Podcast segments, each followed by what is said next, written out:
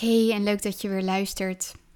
Vandaag ehm, had ik een coaching call met mijn uh, cliënten. En ehm, ja, ik zag weer een uh, mooi haakje voor een aflevering. Want het ging over alle effort die je steekt in je business. En hè, soms voelt dat alsof je heel veel geeft en heel veel input geeft en heel veel creëert en deelt en content maakt. En toch heb je het gevoel van de resultaten blijven uit. Dus je hebt de verwachting dat je hè, meer klanten had moeten hebben dan dat je nu hebt. En um, je hebt wel wat salesgesprekken, maar het is niet zoals je het wil. En um, nou ja, je herkent misschien wel wat ik zeg. dus eigenlijk, het komt erop neer, je investeert veel in het creëren en in het delen en in het geven.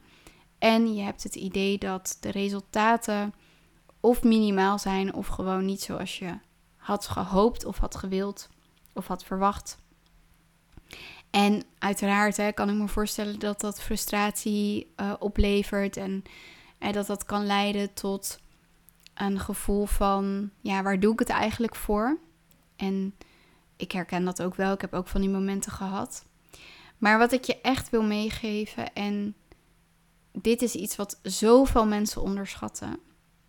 Zoveel mensen onderschatten. En toevallig zijn mijn cliënten dit zelf, hè, want zij um, is uh, diëtiste en ze zei van wat je zegt Sabine, dat klopt, want dat is ook hoe het werkt met mijn cliënten. Die willen bijvoorbeeld 10 kilo afvallen. En die zijn al zes maanden heel hard bezig en die vallen wel wat af. Maar het resultaat is misschien pas in één keer echt goed zichtbaar na een jaar. of misschien is die, die termijn die ik nu zeg veel te lang, weet ik allemaal niet. Maar ik geef je even een voorbeeld. Ik weet niet precies hoe ze dat zei, maar daar kwam het eigenlijk op neer. Van, hè, met afvallen zie je ook niet de volgende dag het resultaat. En met sporten ook niet. Hè. Ik bedoel, Ehm, als ik nu eh, een week lang elke dag naar de sportschool ga, dan heb ik niet ineens een sixpack. Um, kan ik je garanderen, lieve mensen. Want uh, ik ben echt al heel lang niet in de sportschool geweest. Maar, um, dus dat is denk ik iets wat heel belangrijk is. En ik had laatst dat besef toen ik uh, op mijn event was. op mijn eigen event op 8 september, het Level Up Event daar zaten dus mensen in um, de zaal die ik een aantal maanden geleden in mijn notitieboekje had genoteerd als een soort van verlanglijstje voor mijn business. En mensen die ik er graag bij zou willen hebben, die ik graag als klant zou willen hebben, die ik graag um, ja, om me heen zou willen verzamelen in mijn business. En die zaten daar en voor het event wat ik 16 januari organiseer, zijn ook weer, hebben ook weer, nou hebben 25 mensen zich dus binnen 24 uur aangemeld.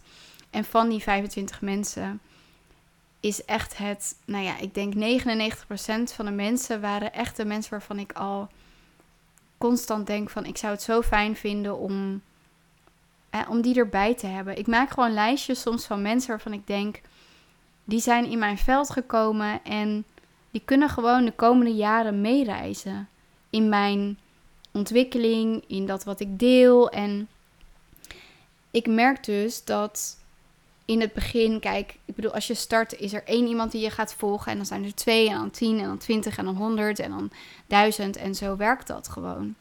Maar dat is ook dus um, met de resultaten in je business. Dus wat ik zie, wat heel erg onderschat wordt, is die community, is um, de zichtbaarheid, is het feit dat je dag na dag er bent. En dat als mensen over drie jaar uh, terugkomen, dat jij nog steeds er bent. Weet je wel? En dat, dat jij consistent blijft staan. Want, oh kut, het regent. Wacht, ik moet even mijn raam dicht doen.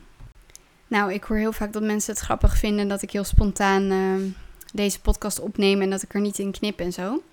Dus bij deze, lieve mensen, ik had um, zojuist even een uh, noodgevalletje. Maar het raam zit inmiddels dicht. Ja, dus ik zei van hè, het is belangrijk om consistent te zijn. Het is belangrijk om te blijven komen opdagen. Het is belangrijk om te blijven delen. Weet je wel, het is niet dat je één keer je tanden poetst en daarna niet meer. Dat je tanden ehm, ja, in goede gezondheid blijven. Het is niet als je één keer een supplement neemt en een bakje sla eet, dat je een gezond dieet hebt of dat je lichaam daardoor gezond wordt.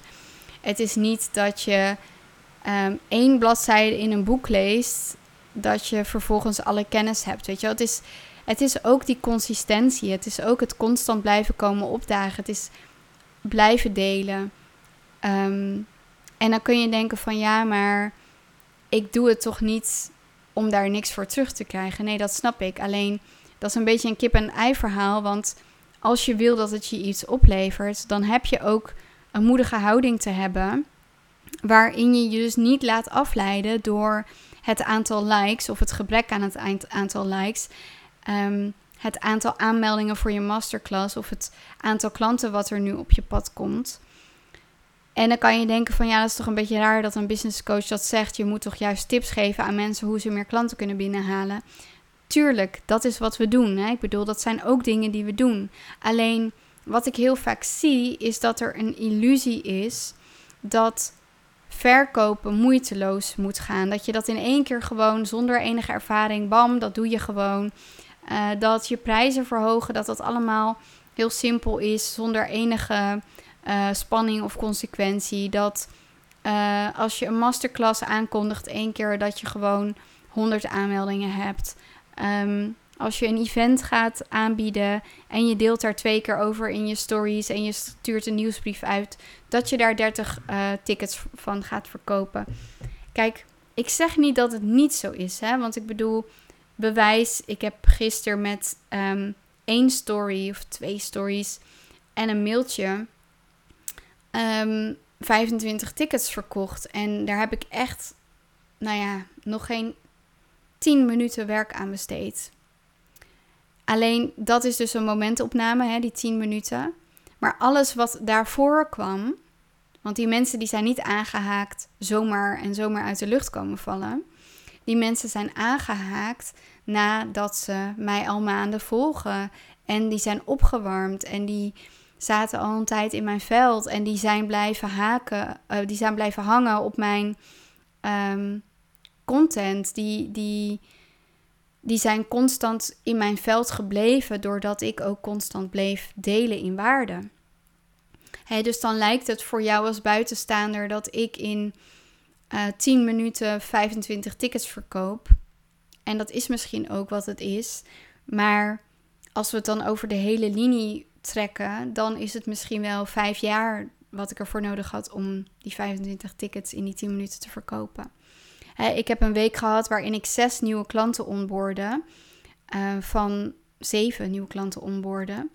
Um, en dan kun je nagaan, hè, want dat was nog in een tijd, half jaar geleden, waarin ik um, vanaf, nou ja, laten we zeggen, voor een half jaar traject zo rond de 10k uh, eh, werkte. Ja, en, en voor een jaar traject dus uh, het dubbele iets minder dan het dubbele. Maar die verkocht ik gewoon in één week tijd. Uh, terwijl ik op vakantie was ook nog. En hè, dus dat is ook een bewijs van dat is allemaal mogelijk. Alleen, kijk, sommige van die mensen waren mensen die helemaal nieuw waren, die ik helemaal niet kende. En die dus op de kwaliteit van mijn content een beslissing konden nemen. Maar die kwaliteit van die content, lieve mensen, die is ook niet zomaar uit de lucht komen vallen, weet je wel. En hetzelfde geldt voor je relatie. het is niet dat je één keer met elkaar uit eten gaat en een keer een goed gesprek voert. Dat alles vanzelf moet gaan. En dat dat allemaal een soort van in flow ontstaat en je daar nooit meer input in hoeft te hebben. ik denk echt dat het belangrijk is om uit dat um, uit die illusie te stappen. Waarin je denkt dat de dingen allemaal makkelijk en, en um, ja, moeiteloos moeten zijn. Want het wordt pas moeiteloos op het moment dat je de moeite gedaan hebt. Het wordt pas moeiteloos als je. Um, kijk, hoe kan, hoe kan je goede content schrijven? Doordat je daarmee oefent. Hoe kan je goed worden in sales? Doordat je daarmee oefent. Hoe word je een goede coach? Doordat je daarmee oefent. Ik bedoel, de grootste coaching skills die ik heb geleerd in mijn carrière waren niet in mijn opleidingen, maar echt in het doen. En daarin heb ik, ik bedoel, ik heb jarenlang heb ik mensen gecoacht. Ik heb honderden mensen gecoacht zelfs. En um, dat heeft me heel erg geholpen om vandaag te zijn wie ik ben. Dus je kan niet van jezelf verwachten dat jij in één week net zoveel kennis hebt als een van de beste coaches van Nederland, bij wijze van. En dat is wel wat heel veel mensen denken: dat je. Hè, dat als een, een Simone Levy een event van 800, met 800 eh, deelnemers kan uitverkopen, dat jij um, dat ook kunt. En ik zeg niet dat je dat niet kan, hè, want ik weet zeker dat je dat kunt. Alleen je kan niet van jezelf verwachten dat jij zonder die effort Ehm, die een ander daarin steekt met dat resultaat, daar komt. En je weet niet wat zij gedaan heeft. Je weet niet hoe ze daar kwam. Toevallig dacht ik aan Simone, want ik kwam haar tegen bij uh, Van der Valk vanochtend.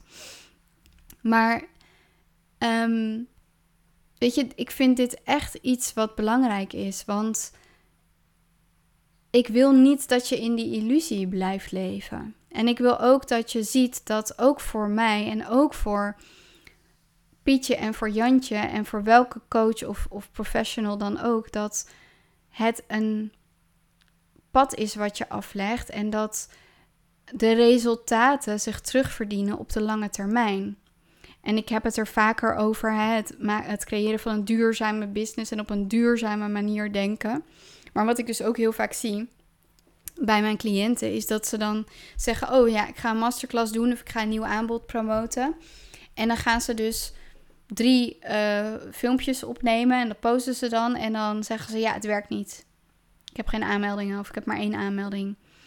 En ja, dan denk ik: joh, zorg dat je uit die illusie komt dat je met één story je hele masterclass gaat uitverkopen.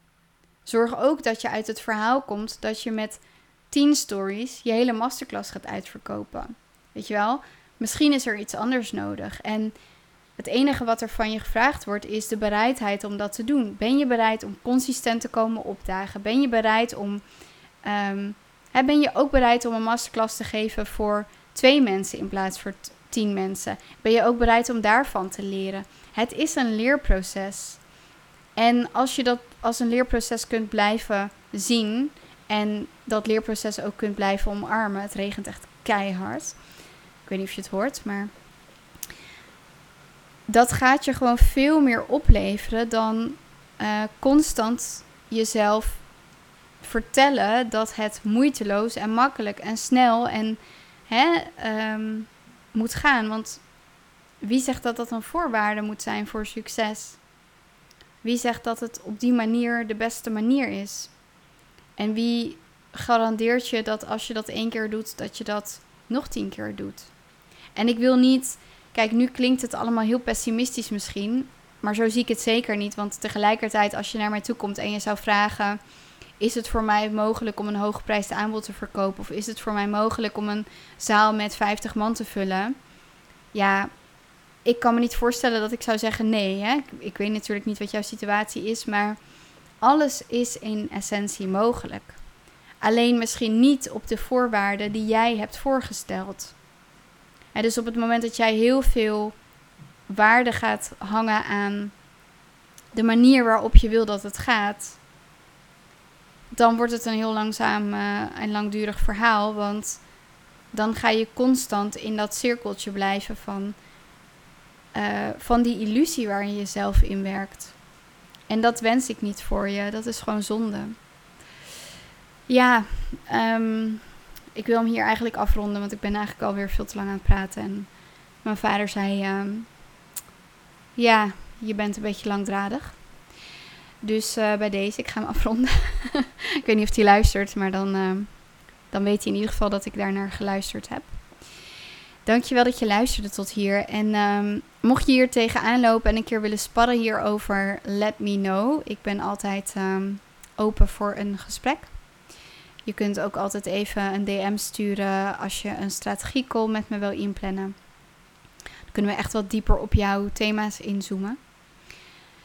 Super dat je weer geluisterd hebt naar deze aflevering. Wil je mij 5 sterren achterlaten op Spotify, dan ben ik je super dankbaar. En sowieso heel leuk dat je weer luisterde naar deze aflevering.